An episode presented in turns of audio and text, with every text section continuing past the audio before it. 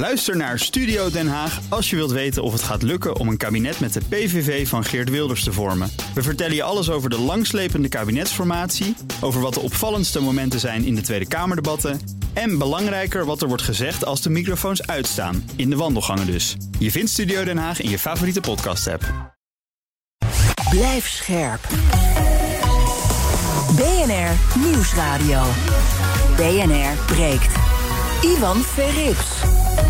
Goedemorgen en welkom bij BNR Breekt. Vanaf half twaalf praat ik over het nieuws van de dag... en dat doe ik met mijn panelleden. Vreemdelie Stadelmeijer, directeur van She Consult...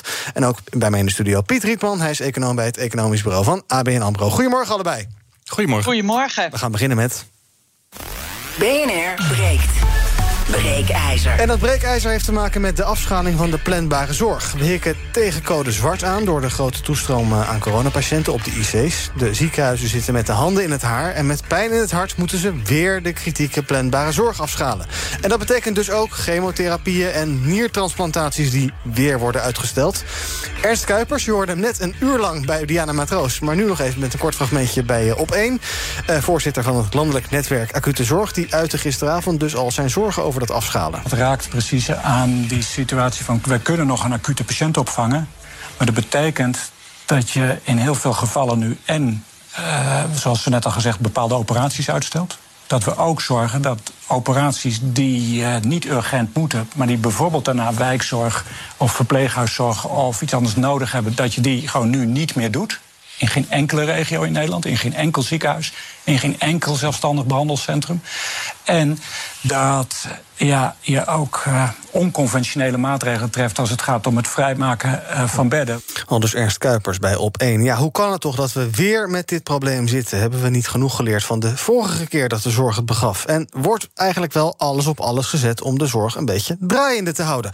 Ons breekijzer vandaag. Het kabinet doet te weinig om de zorg op niveau te houden. Wat vind jij? Is dit een overmachtssituatie? Kan je dit niemand kwalijk nemen? Ja, is het nou eenmaal zo? Of kan er misschien meer gebeuren? En zo ja, wat dan? Praat mee, pak je telefoon en bel naar 020 468 4 0 020 468 4 0 Ik zie dat heel veel mensen dat aan het doen zijn. Dus uh, mocht je bellen, het kan even duren voordat we opnemen. 020 468 4 0 Wil je niet bellen, maar wel stemmen? Doe het dan via de stories van BNR Nieuwsradio op Instagram. En aan het einde van dit half uurtje krijg je een tussenstand van me. Ook bij me nu is uh, Pieter Becker. Hij is gezondheidseconoom. Goedemorgen, Piet. Goedemorgen. Ons breekijzer. Het kabinet doet te weinig om de zorg op niveau te houden. Wat vind jij? Uh, en dan vraag je aan mij, Pieter de Bekker. Uh, het kabinet doet heel veel, maar het kabinet kan niet alles oplossen. Het is echt voor een heel groot deel ook aan ons, aan de maatschappij, om ons te houden aan regels en ook uh, snel testen en meer vaccineren. Ja, maar dat doen wij blijkbaar niet zo goed, die regels.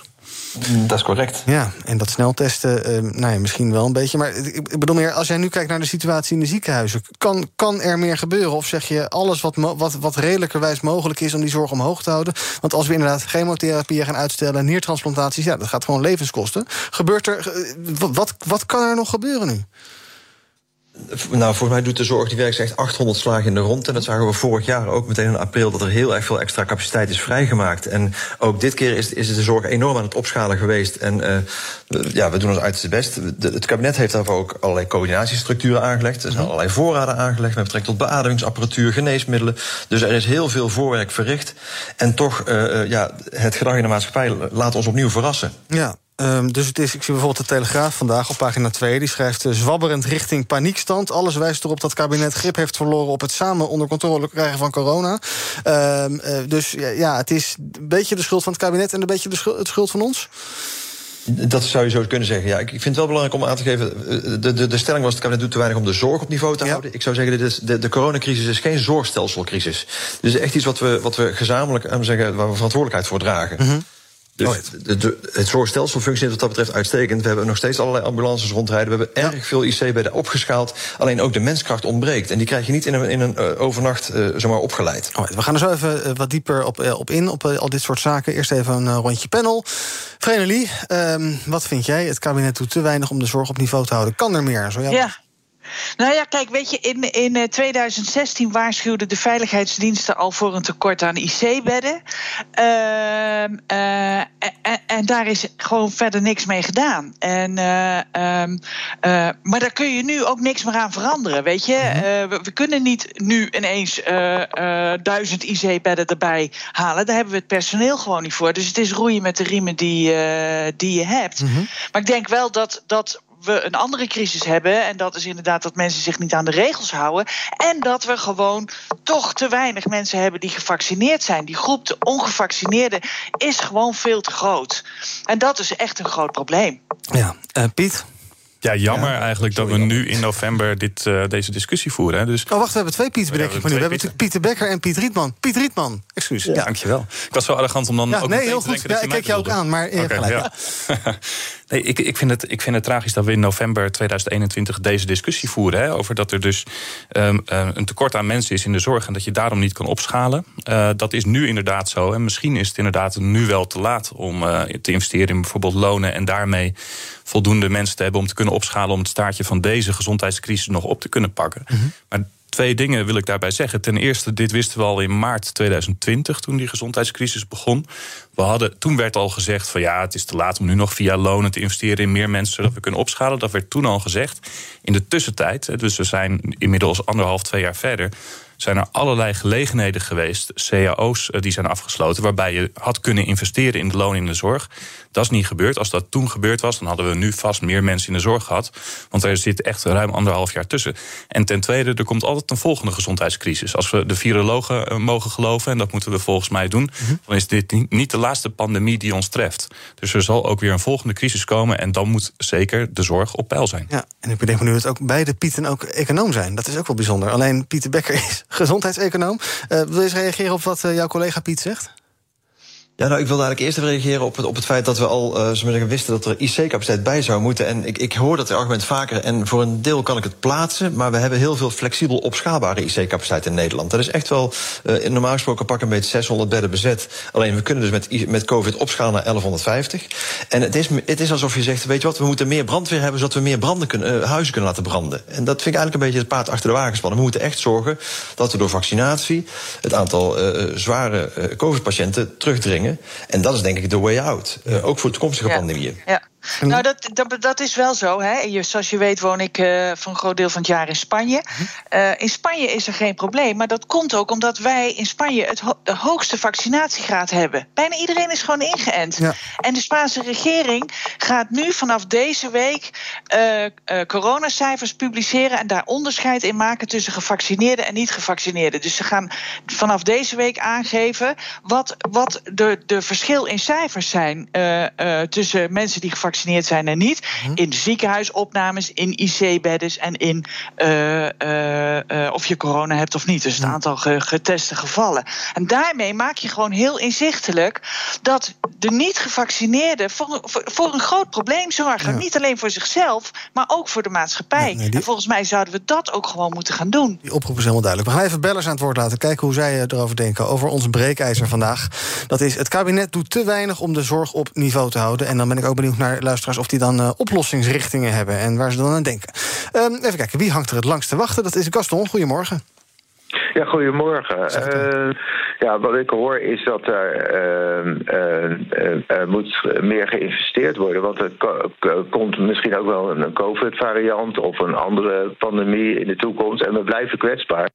En ik denk dat we structureel moeten investeren door bijvoorbeeld de nummer fix op de opleiding van artsen flexibeler te maken. Nu worden mensen die interesse hebben voor een medicijnstudie weggestuurd als ze geen hoog genoeg cijfers halen. Dus je zou een deal kunnen sluiten van ben je om op de IC te werken voor een aantal jaren. En dan uh, kan je in modules uh, je artsopleiding vervolgen. Scriptwriters om de bureaucratie van artsen en verpleegkundigen te verkleinen. Die zou je kunnen opschalen via HBO-opleidingen. Ja. En preventieve zorg. Ja. Daar weer meer investeren. Ja, en dat zijn dingen natuurlijk voor de middellange en lange termijn. Want daarmee uh, ja, los je niet het probleem voor vandaag. Het blijft, het blijft, het blijft tappen en nat ja. houden. Ik bedoel, de volgende crisis of een andere pandemie blijf je kwetsbaar. Je zult gewoon. Uh, uh, komt, de vergrijzing is ook nog niet voorbij, de vergrijzingsgolf, demografisch gezien. Duidelijk, dank dus, voor het bellen. Gaston. Jan, goedemorgen. Ja, hallo. Hallo Jan, zeg het maar. Ja, eh, nou, ik denk dat we het heel makkelijk moeten doen. We moeten de gezondheidszorg splitsen. En dat is gewoon in corona-patiënten en niet-corona-patiënten. En mensen die niet zijn ingeënt, die eh, maken een bewuste keuze. En dat mag. Maar daarvoor kies je wel voor minder gezondheidszorg. En, hoe en ze- zeg je dan dat je die mensen niet meer moet helpen, of dat niet? Nou, nee, ik zeg gewoon als je 15% van de bedden beschikbaar hebt, dat je op die IC, die zijn dan voor de coronapatiënt op dit moment. Ja. En die andere 85% is gewoon voor de rest van de wereld. Ja, oké. nou, het- de lijn is een beetje slecht. Anders wil ik graag even verder praten met jou over dit idee. Ehm, ik ga het ook nog even voorleggen aan Pieter Becker. Kijken hoe hij erover denkt. Dat je toch misschien ja, die zorg uit elkaar moet, eh, moet trekken. Zodat je allebei die groepen, mensen die wel gevaccineerd zijn... mensen die niet gevaccineerd zijn, goed kan behandelen. Ehm, Richard, goedemorgen.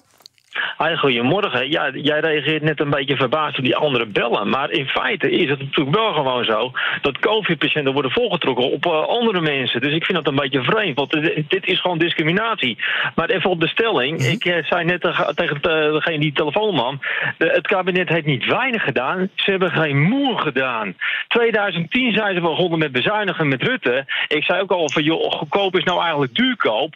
Dit gaat weer miljarden en miljarden kosten. Er is weer selectieve verontwaardigheid. Maar waarom doen ze... Nou, we hebben een probleem. Maar, en het probleem is ook, het is politiek geworden. Iedereen moet er maar wat van vinden. Ze moeten gewoon zeggen, we gaan dit doen... en we gaan niet eh, weer eens een tien jaar erover vergaderen. Dan weer concluderen en eh, dan weer eens vergaderen, vergaderen, vergaderen. Ja. Want dan zijn ze enorm goed om. En dan krijgen ze nog verdomd betaald ook. Ja, doorpakken dus, zeg jij duidelijk. En eh, zometeen jouw opmerking over bezuiniging... wil ik ook nog even voorleggen aan Pieter Becker... want ik geloof dat hij het daar niet mee eens is. Kom ik zo op terug.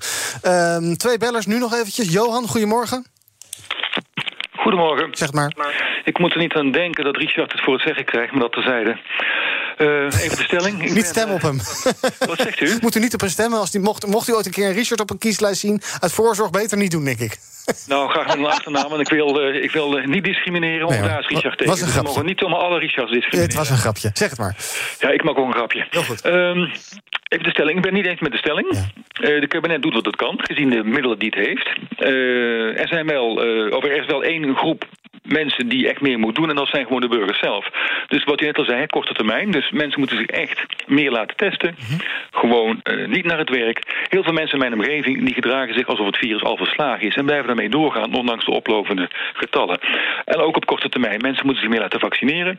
Wat betreft die bezuinigingen en, en de huidige staat van de zorg. Ik vind dat er veel meer geld naar de zorg moet. Alleen, dat moet de burger zelf betalen. Dus ook Richard, eh, lekker meer niet bezuinigen. Hop, trek de poeplap. Gewoon eh, de, meer betalen voor je premie. Ik heb begrepen, ik zou willen dat er meer aandacht voor komt in de media. Dat de huidige zorgpremie maar een vijfde of een zesde dekt van de totale kosten die we met z'n allen maken voor de zorg. En de rest wordt bijgelapt door de overheid. En verdringt daardoor andere zeer relevante investeringen in defensie, infrastructuur, onderwijs. Dus meer geld naar zorg, maar dat betalen we uit een verhoging van de premie. Duidelijk. En tot slot van dit blokje nog even kort. Alex, goedemorgen. Goedemorgen. Zeg het maar. Ja, ik was zeer verbaasd over de stelling. Eh, ik ben het ook redelijk niet zo eens. Eh, het kabinet eh, heeft goede steun ja, opgebouwd in de crisistijd van twee jaar tijd. Eigen ziekenhuizen hebben een, een, ja, een soort boek moeten maken van de uitrol van het COVID. Het is allemaal lastig, het is allemaal moeilijk. Maar om personeel ja, daarmee in te zetten, eh, zeg ik alvast, ja, dan hadden ze dat al tien jaar geleden kunnen opzetten. Eh, nou ja, bezuinigingen hebben een ding gedaan, verantwoordelijkheden worden genomen. Maar ook ja, de eigen mensen die niet gevaccineerd zijn, ongevaccineerden, daar heb ik geen mening over. Het is al vanaf september duidelijk dat dit eraan zat te komen. En mensen hebben in die bubbel, hebben ze nu gezegd... hé, hey, eh, we weten het nu niet, het is allemaal moeilijk, het is stress, hoge factoren. Nee, we wisten dit. Ze hebben alleen niet geluisterd, ze hebben niet gehandeld. En dat vind ik een nadeel tegenover het kabinet. BNR breekt. Ivan Verrips. Met in mijn panel vandaag Vereniging Stadelmeijer van She Consult... Piet Rietman, econoom bij het economisch bureau van ABN AMRO... en ik praat ook met gezondheidseconoom Pieter de Bekker. Ehm, om eh, even met die laatste eh, te beginnen, Pieter Bekker. Ik heb een paar keer het B-woord gehoord, bezuinigingen. Nou geven we geloof ik elk jaar eh, steeds meer uit aan zorgkosten. Dus het is een soort sentiment dat er leeft, van ja, er wordt bezuinigd op de zorg. Is dat zo? Ja, dat vind ik echt altijd een van de grootste misvattingen en mythes die keer op keer terugkomt. En daar heb ik al als, als gezondheidseconoom wel erg veel moeite mee. We geven op dit moment eh, ruim 100 miljard aan, uit aan zorg. En, en wat er gebeurt is dat het groeipad een beetje wordt afgebogen. Dus dat er niet telkens 4 miljard bij komt jaarlijks, maar dat er maar 3 miljard bij komt. Dat is een grosso modo. En daar heb ik wel moeite mee, omdat er altijd gezegd wordt dat er bezuinigd wordt op zorg. En dat is gewoon echt, echt, echt niet waar. Dat wil ik nog een keer hard zeggen. Niet waar. Waar komt dan dat sentiment vandaan, denk je? Heb je daar een beeld bij? Om- Omdat, omdat voor een deel dus een deel, die groei ook bedoeld is om vergrijzing op te vangen, nieuwe technologische mogelijkheden eh, mogelijk te maken. En soms betekent wel dat er een verschuiving plaatsvindt. Er is op een gegeven moment een verschuiving eh, geweest van formele thuiszorg naar de WMO, waarbij je op een andere manier de thuiszorg kon krijgen. En dat wordt ervaren als een bezuiniging. Maar die is eigenlijk, als je op de ene kant drukt, gaat je op de andere kant omhoog. Ja. Dus dan is er een verplaatsing geweest. Ja. Maar het is echt zo dat we ieder jaar 2, 3 miljard extra uitgeven. En dat zien we ook terug in de premie. Mhm. Dat is zo, maar ja, we willen nu dus graag die IC-bedden op, opschalen. En dat kan dan niet. Die, die bedden zijn er wel, die fysieke bedden. Maar die mensen om daar aan te staan, die zijn er niet. Dus ja, daar is dan toch wel iets aan de hand. Ja, nou goed, het, eh, arbeidsvoorwaardenbeleid in de overheid. Kijk, zorg is voor een heel groot deel mensenwerk. En er wordt ook al decennia lang aan gewerkt om een, een, een eerlijke voeding te geven. Er zijn eh, avond-, nacht- en weekenddiensten.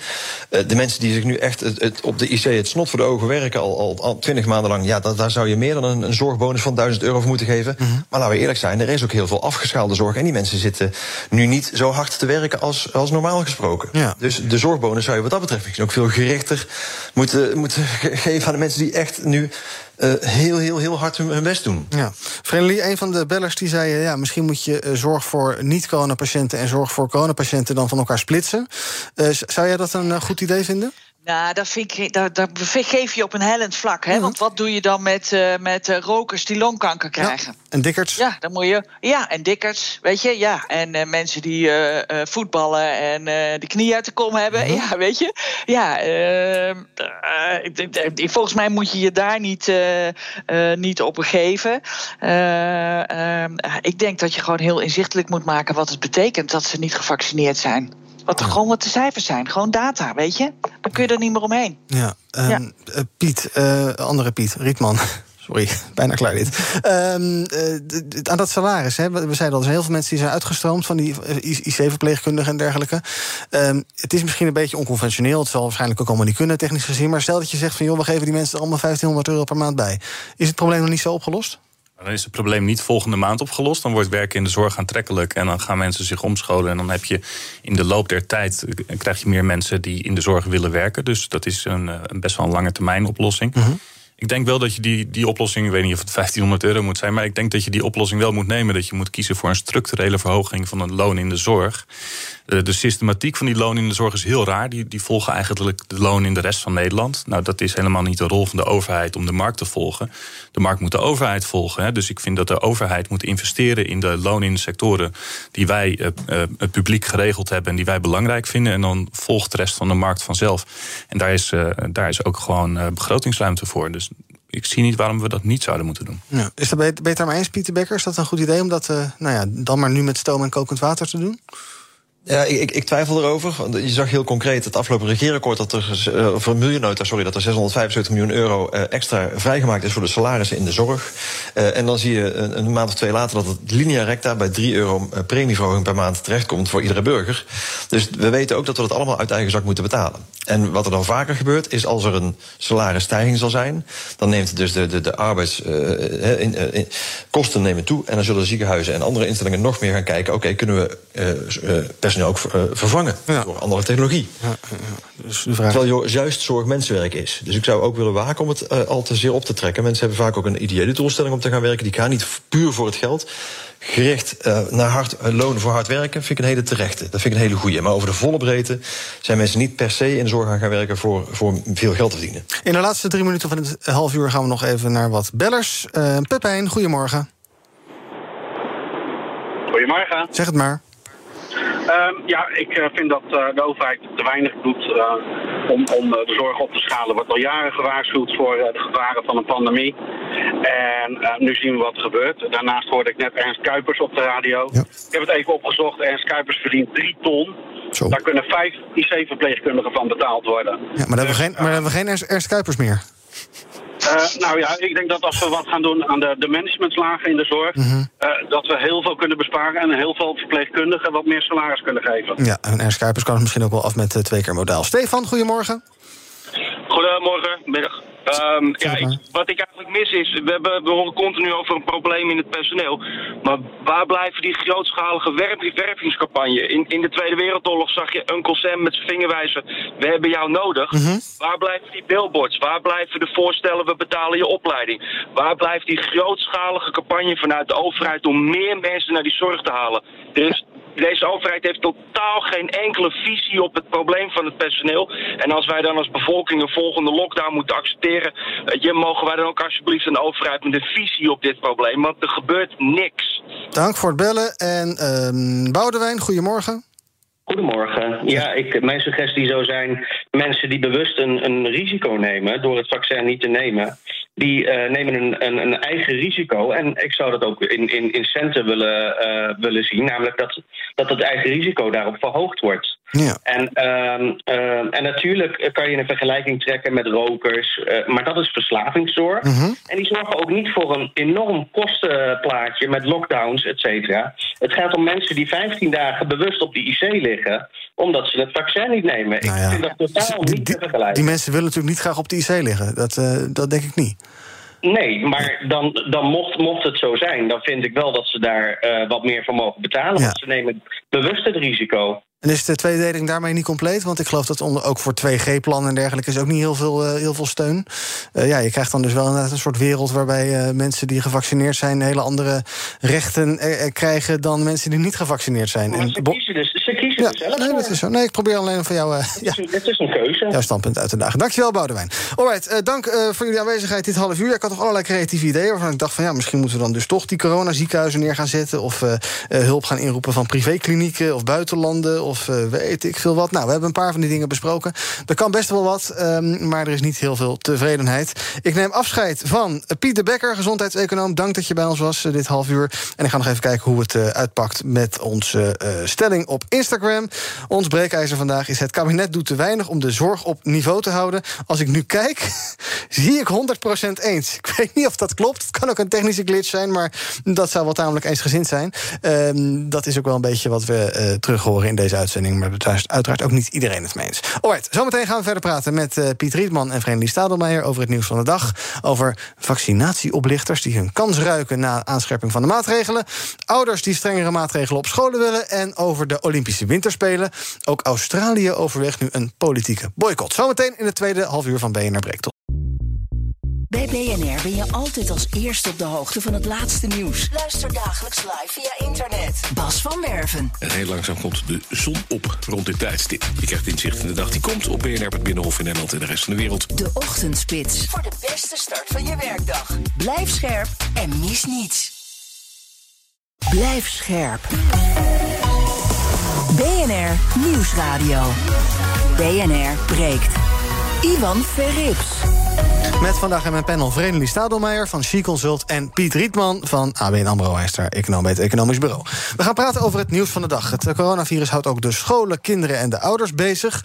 Zojuist komt bij de NOS het bericht binnen... dat het OMT geadviseerd zou hebben aan het kabinet... om al het onderwijs open te houden. Dat melden bronnen aan de NOS dus. Eh, er zijn veel besmettingen op scholen... maar het OMT vindt dat er alles aan gedaan moet worden... om ze niet te sluiten. En dat geldt dan vooral zowel voor basisscholen als middelbare scholen... ook universiteiten en hogescholen. Eerst zou het kabinet in andere sectoren moeten kijken wat daar gedaan kan worden om het aantal besmettingen terug te brengen.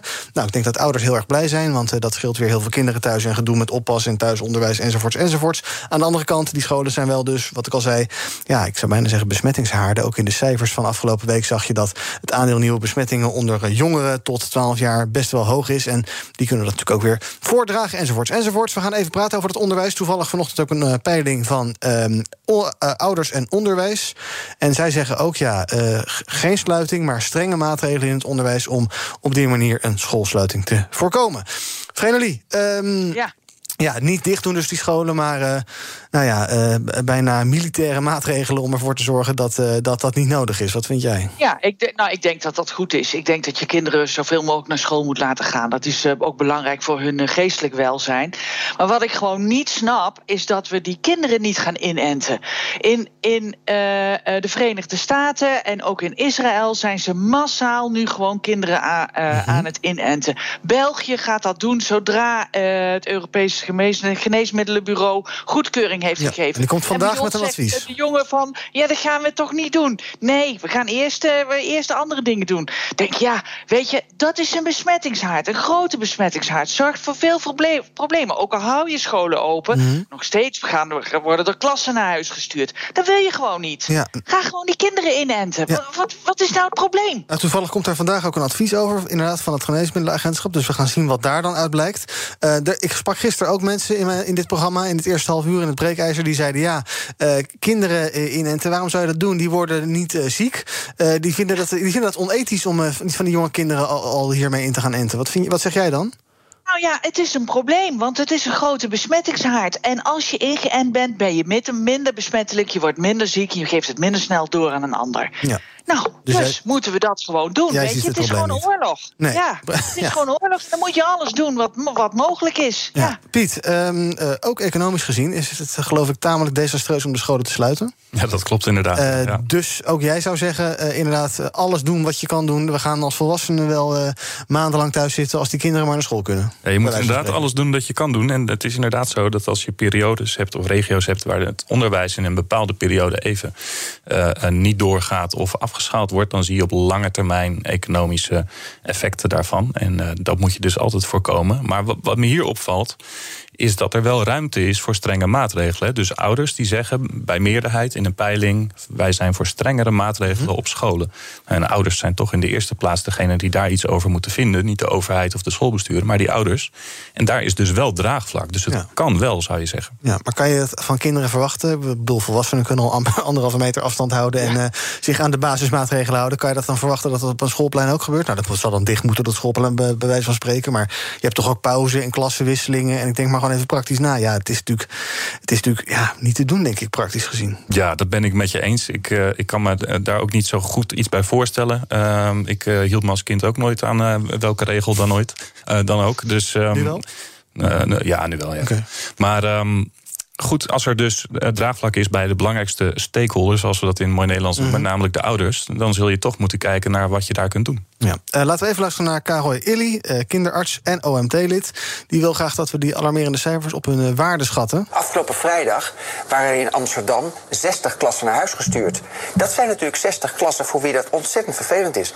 Maar het is wel van de 2500 klassen in Amsterdam. Dus we moeten het ook een beetje in perspectief zien. Ja, om daaraan toe te voegen. Een hele grote meerderheid van alle kinderen gaat gewoon naar school. En dat is enorme winst. En, dat, en zeker in het kader van het welzijn. Ja, dat we dus lekker blijven doen als het ligt aan Karoy Illy. Nou, OMT heeft dus geadviseerd. Het kabinet moet nog besluiten. Dat gaan we allemaal eh, morgenavond horen. Dan is er weer een persconferentie. Ehm, een eh, nieuw woord in deze pandemie is de vaccinatieoplichter. Die hebben namelijk eh, lak aan fatsoen en rukken flink op nu de maatregelen zijn aangescherpt. Het AD is erin gedoken en trekt de conclusie dat ze aan een soort oplichtingscampagne begonnen zijn via Instagram. Je hebt natuurlijk op steeds meer plekken heb je ja, een, een, een, een, een 2G eh, of een, 3, nou, een 3G in ieder geval nu nodig. Een corona toegangsbewijs, CTB. En allerlei ongure lieden die bieden dat soort eh, vaccinatie- en herstelbewijzen te koop aan via Instagram. En zijn dan ook heel actief in het benaderen van Jan Alleman. Zo van, joh, heb je nog interesse in een QR-code? Ehm, ik eh, denk, eh, Piet, dat zijn allemaal creatieve ondernemende Nederlanders. dat, dat klopt, ja, ja. Ja, oplichting is inderdaad een vorm van creativiteit. Maar goed, je dupeert er anderen mee en je overtreedt de wet. Dus het is niet creativiteit die we moeten willen. Nee. Ehm, hoe moet je dit aanpakken, Vereniging? Eh, Moet Instagram hierin ingrijpen? Of moet je eh, hier torenhoge straf op zetten? Weet ik veel. Nou, Geen idee. Nee. Je zit er in een panel, dan moet je ook je mening geven. Kom op. nou ja, ik zou zeggen, eh, probeer ze te overtuigen dat ze eh, eh, veel geld vragen voor zo'n vals bewijs. En dat de eh, niet-gevaccineerde daar dan ongelooflijk mee tegen de lamp loopt. Ja. Dat lijkt me mooi. Ja, ja, ja, oké. Alright, eh, tot slot van dit blokje gaan we het nog even hebben over Ridouan Taghi. Vandaag in NRC een eh, artikel. Medewerkers van de EBI in Vught die zijn ondergedoken na dreiging uitbraak Taghi. Dat is de kop. Ehm, het verhaal wil dus dat eh, vier medewerkers van die extra beveiligde inrichting in Vught vorige maand met spoed zijn ondergedoken. Dat deden ze uit vrees voor gewelddadige acties, want ehm, ze zouden op een lijst hebben gestaan. En Taghi, of de mensen achter Taghi, die zouden op zoek zijn geweest naar de huisadressen van die mensen. En dat onderduik is gebeurd nadat het OM op 8 oktober bekend maakte dat Taghi een ontsnappingspoging zou hebben voorbereid. Die Tachi Vreneli, die uh, uh, is wel iemand die het hele gevangeniswezen al maanden op stelte blijft zetten. Hoe kan dat nou? Je zou die vent toch gewoon achter slot en deur moeten zetten zolang die, niet, uh, zolang die ja, daar vast zit? zorgen dat hij dat die via zijn advocaten ook niet allerlei leuke opdrachtjes de wereld in kan sturen. Uh-huh. Dus ja, nou ja, daar wordt aan gewerkt, begrijp ik. Ja. Maar het is natuurlijk wel erg. Dit vind ik echt heel erg. Ja, verbaast het je? Want er, er, zijn, er zijn al meer, vaker berichten. Hè? Bijvoorbeeld ook nog ergens een paar een week geleden, geloof ik, dat er nu ja, een soort van aparte teams zijn die Tachi bewaken. Dat zijn dan allerlei mensen met uh, bivakmutsen op. Deze ja. vent, ja, hoe kan dit nou zo erg zijn? Ja, onbegrijpelijk. Ja, daar begrijp ik ook echt helemaal niks van. Daar zou het toch eens een keer goede kamervragen over gesteld moeten worden, zou je denken. Ja. Is het bijna een soort aparte. Het is echt raar dat dit gewoon kan. En dat, dat één iemand. Zo, dat kost ook handenvol met geld, weet je? Mm -hmm. Je zou bijna een aparte Tachi-gevangenis oprichten. Alleen voor Riedeman Tachi. Ah, nou. Toch eens op, Oh, dat niet. Ja. Nee, oké. Okay. Nee, nee. Pieter, wat is jouw analyse? Ja, dit is volgens mij wat hè, de politie uh, en, en, en trouwens Binnenlandse Zaken, noem maar op, die, die, die waarschuwen in Nederland al heel lang voor ondermijning. Hè? Dus dat, uh, dat het niet alleen uh, bij veiligheidsbeleid gaat omdat je geïsoleerde incidenten aanpakt en de mensen daarvoor vervolgt, maar ook dat criminelen het systeem als geheel ondergraven. Mhm. Ja, dat, dit is daar natuurlijk wel een voorbeeld van. Hè, dat een gewone rechtsgang eigenlijk geen doorgang kan vinden. Ja. De bel aan de wortel van de rechtsstaat. Ja, en dus jij ziet ook een soort be betonrot als het gaat om, uh, uh, ja, inderdaad, om, je, om je rechtsstaat hierin. Want je, dit, dit, is één vent, maar hoe vaak hij in het nieuws komt met van alles en nog wat, uitbraakplannen, uh, inderdaad, nou ja, neven die dan advocaten blijken te zijn en althans verdacht worden daarvan en contacten naar de buitenwereld leggen. Ehm, dit is voor jou het bewijs dat het inderdaad, ja, dat die rechtsstaat, nou, verrot is misschien een groot woord, maar dat er echt iets fundamenteel mis zit? Nou, voor mij niet, maar voor de, de mensen die hiermee te maken hebben professioneel, die waarschuwen in Nederland al jarenlang voor die ondermijning. Ja. Volgens mij moeten we nu toch echt eens een keer iets met die signalen gaan doen. Ja, alright. Uh, we gaan even kijken naar wat jullie opviel in het uh, uh, nieuws vandaag. Vreneli, jij wilde het hebben over.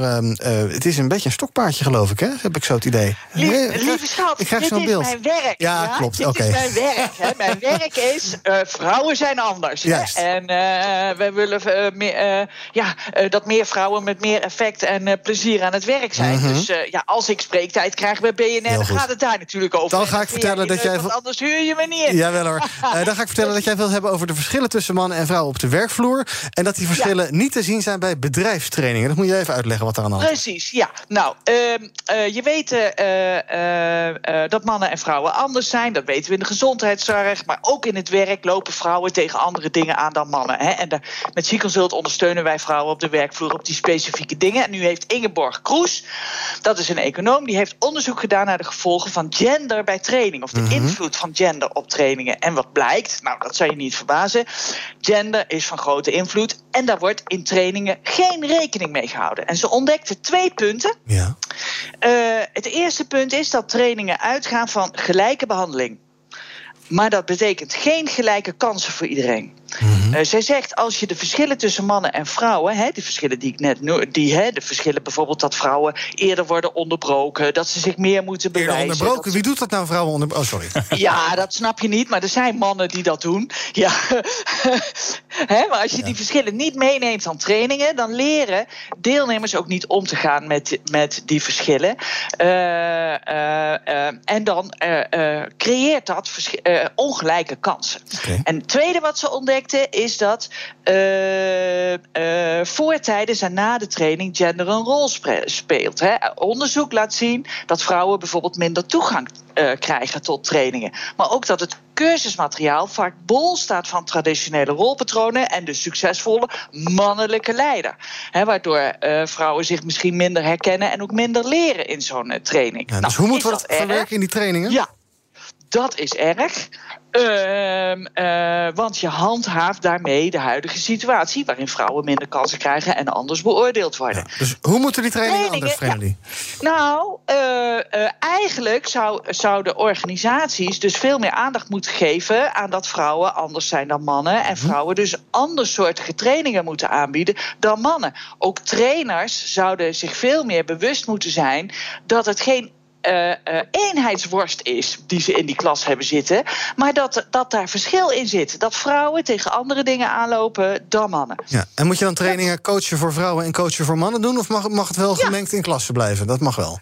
Uh, nou, als je dan maar een goede trainer Mhm. hebt die zich duidelijk bewust is van de, van de verschillen en ook uh, de verschillende groepen op, uh, op hun eigen dingen kan, kan aanspreken. Maar ik blijf van mening dat die female leadership programma's die je hebt, hè, en ik ga nou niet zeggen dat we die met She-Consult ook aanbieden, want dat is dan weer reclame. Hè, maar, mm -hmm. maar je moet ook zeker niet op de website van She-Consult kijken als je zoiets wil afnemen. Nee, nee moet je zeker. Niet nee, doen, moet je ja. vooral niet doen. Ja. maar die, die, die zijn ongelooflijk belangrijk voor vrouwen. Ook voor vrouwen die net met hun, hun loopbaan starten. Want Mhm. daarmee creëer je bewustzijn en hef je een deel van die ongelijkheid Mhm. op. Wat kost zo'n training? Hangt er vanaf uh, voor wie, wat, uh, wat je wil. Maar, uh, Waar begint ja. het? Waar begint het? Het begint met een paar duizend euro. Oh, leren zeg. BNR breekt. Moet ik even van bijkomen. Het wordt slecht nieuws hier voor uh, BNR. Als Heb je nog een training nodig dan, iemand? Nou ja, we hebben wel jaarlijks opleidingsbudget. Maar ik weet niet uh, of het naar... Uh, nou ja, ik ga ook niet naar She-Consult. Dat heeft Gender. Nee.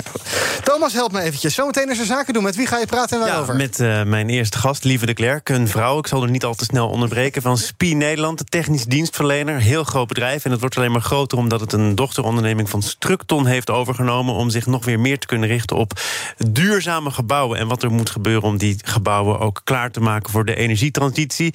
Uh, al met een schuin oog kijkende naar Duitsland, waar een regeerakkoord gesloten is, waar tientallen miljarden beschikbaar worden gesteld om dat allemaal mogelijk te maken. Dus daar gaan we het uh, zeker over hebben.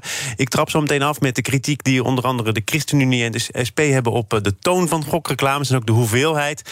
Spreek zo meteen met een branchevereniging om te kijken of daar inderdaad dan wat aan moet veranderen. En het boardroom panel is er ook onder andere over de problemen die PostNL heeft in België op dit moment met de arbeidsinspectie zwart werk, uh, buiten de roosters om, schijnzelfstandigheid. Het komt allemaal samen.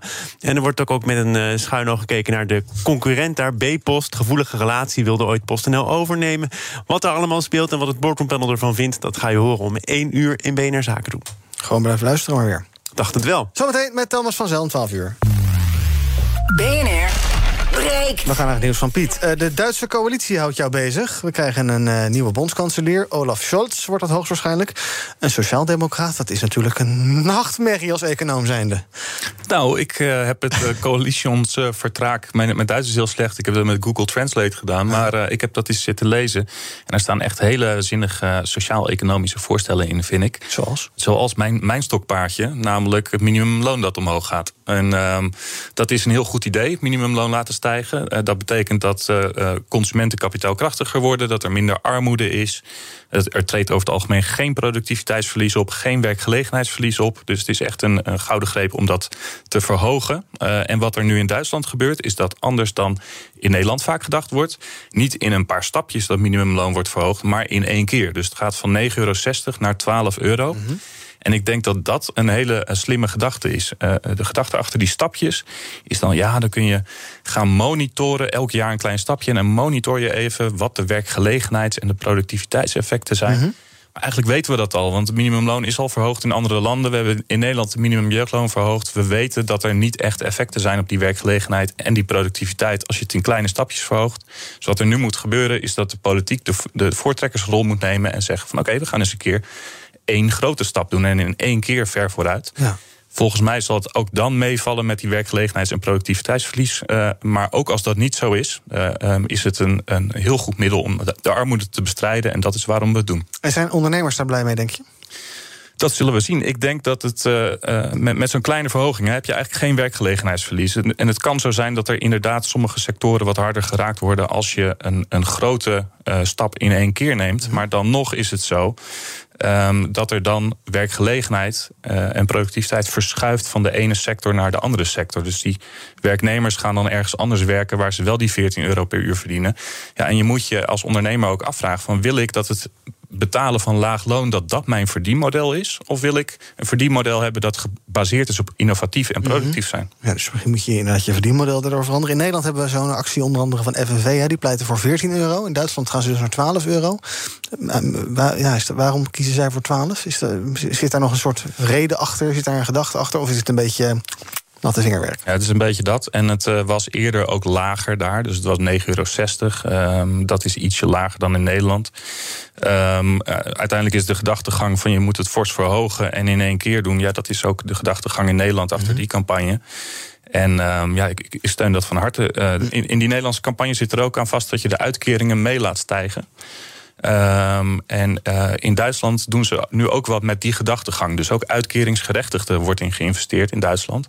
En ik denk dat dat goed is. Dat betekent ook dat uitkeringsgerechtigden die een baan zoeken, niet met hun rug tegen de muur staan, maar dat die uh, daadwerkelijk uh, uh, zullen, ja, zullen gaan kiezen. Ja. En, en niet zomaar elke baan tegen elke voorwaarde, tegen elk laag loon zullen accepteren. Dus in die zin versterkt het juist de arbeidsmarkt, denk ja. ik. Nederland is natuurlijk, wij zijn, af, voor, ja, wij zijn een beetje het kleine broertje van Duitsland. de 17e deelstaat zou je misschien wel kunnen zeggen. gaat er ook voor ons een, gaan we iets merken van het feit dat daar iemand anders aan het hoofd komt te staan? Dat daar meneer Scholz komt met een ampel coalitie? Ja, natuurlijk gaan we daar wat van merken. Ik denk dat we gaan zien dat daar de loongroei en de economische groei wat aantrekt. Dus niet alleen dit verhaal van die arbeidsmarkt. Het is ook dat ze een groene industriepolitiek gaan voeren. Dus ze gaan die hele Duitse industrie gaan ze omvormen. Dat gaat ook weer banen opleveren. Nou ja, als net over de grens de arbeidsmarkt sterker wordt en de groei aantrekt. En dan kun je eigenlijk niet achterblijven door maatregelen in dezelfde richting te treffen. Ja, dus jij zegt uh, goede vriendjes blijven met deze buur. En uh, misschien ook in Den Haag eventjes kijken naar inderdaad dat, uh, ook dat coalitionsverdrag door Google Translate halen en daar nog een beetje uit shoppen. Zie je nog dingen die ze in Den Haag aan de formatietafel zouden kunnen meenemen? Ja, er zitten hele interessante dingen in. Hè. Dus in het uh, uh, stuk dat in Nederland in de trein was blijven liggen, ja. werd er ook gesproken over investeren in klimaat. En een beetje dezelfde gedachte. Dus niet uh, zozeer met wet en regelgeving, maar meer met investeren in de industrie en die dus helpen om, om die transitie te maken. Die gedachte zat er in Nederland ook, ook in. Nou, het kan geen kwaad als je dezelfde richting opdenkt voor je industriepolitiek in twee landen die naast elkaar liggen en heel veel handel hebben. We gaan kijken wat er trending is op de socials. Nou, je zal het vast wel raden. Corona-onderwerpen doen het allemaal heel erg goed. Zoals hashtag code zwart, hashtag lockdown, hashtag QR in de kliko... hashtag klaar met Rutte en hashtag persconferentie. Die persconferentie is morgenavond om 7 uur. Hashtag free doet het goed. Dan denk je, is dat een seksspeeltje of zo? Nee, het gaat om een voormalig klokkenluider, Huig Plug. Hij is nu een uh, complotdenker en mag niet meer binnen 50 meter... van Mark Rutte en Hugo de Jonge komen... na bedreigingen aan hun adres. En hashtag Black Friday is trending. Dat uh, kortingsfestijn vindt morgen plaats. Maar je wordt er al de hele week mee doodgegooid. En ook eind vorige week al. En eigenlijk ongeveer het hele jaar. En tot slot eventjes een quizje voor Vrenelie en Piet. Holy shit. Dat is een vogel.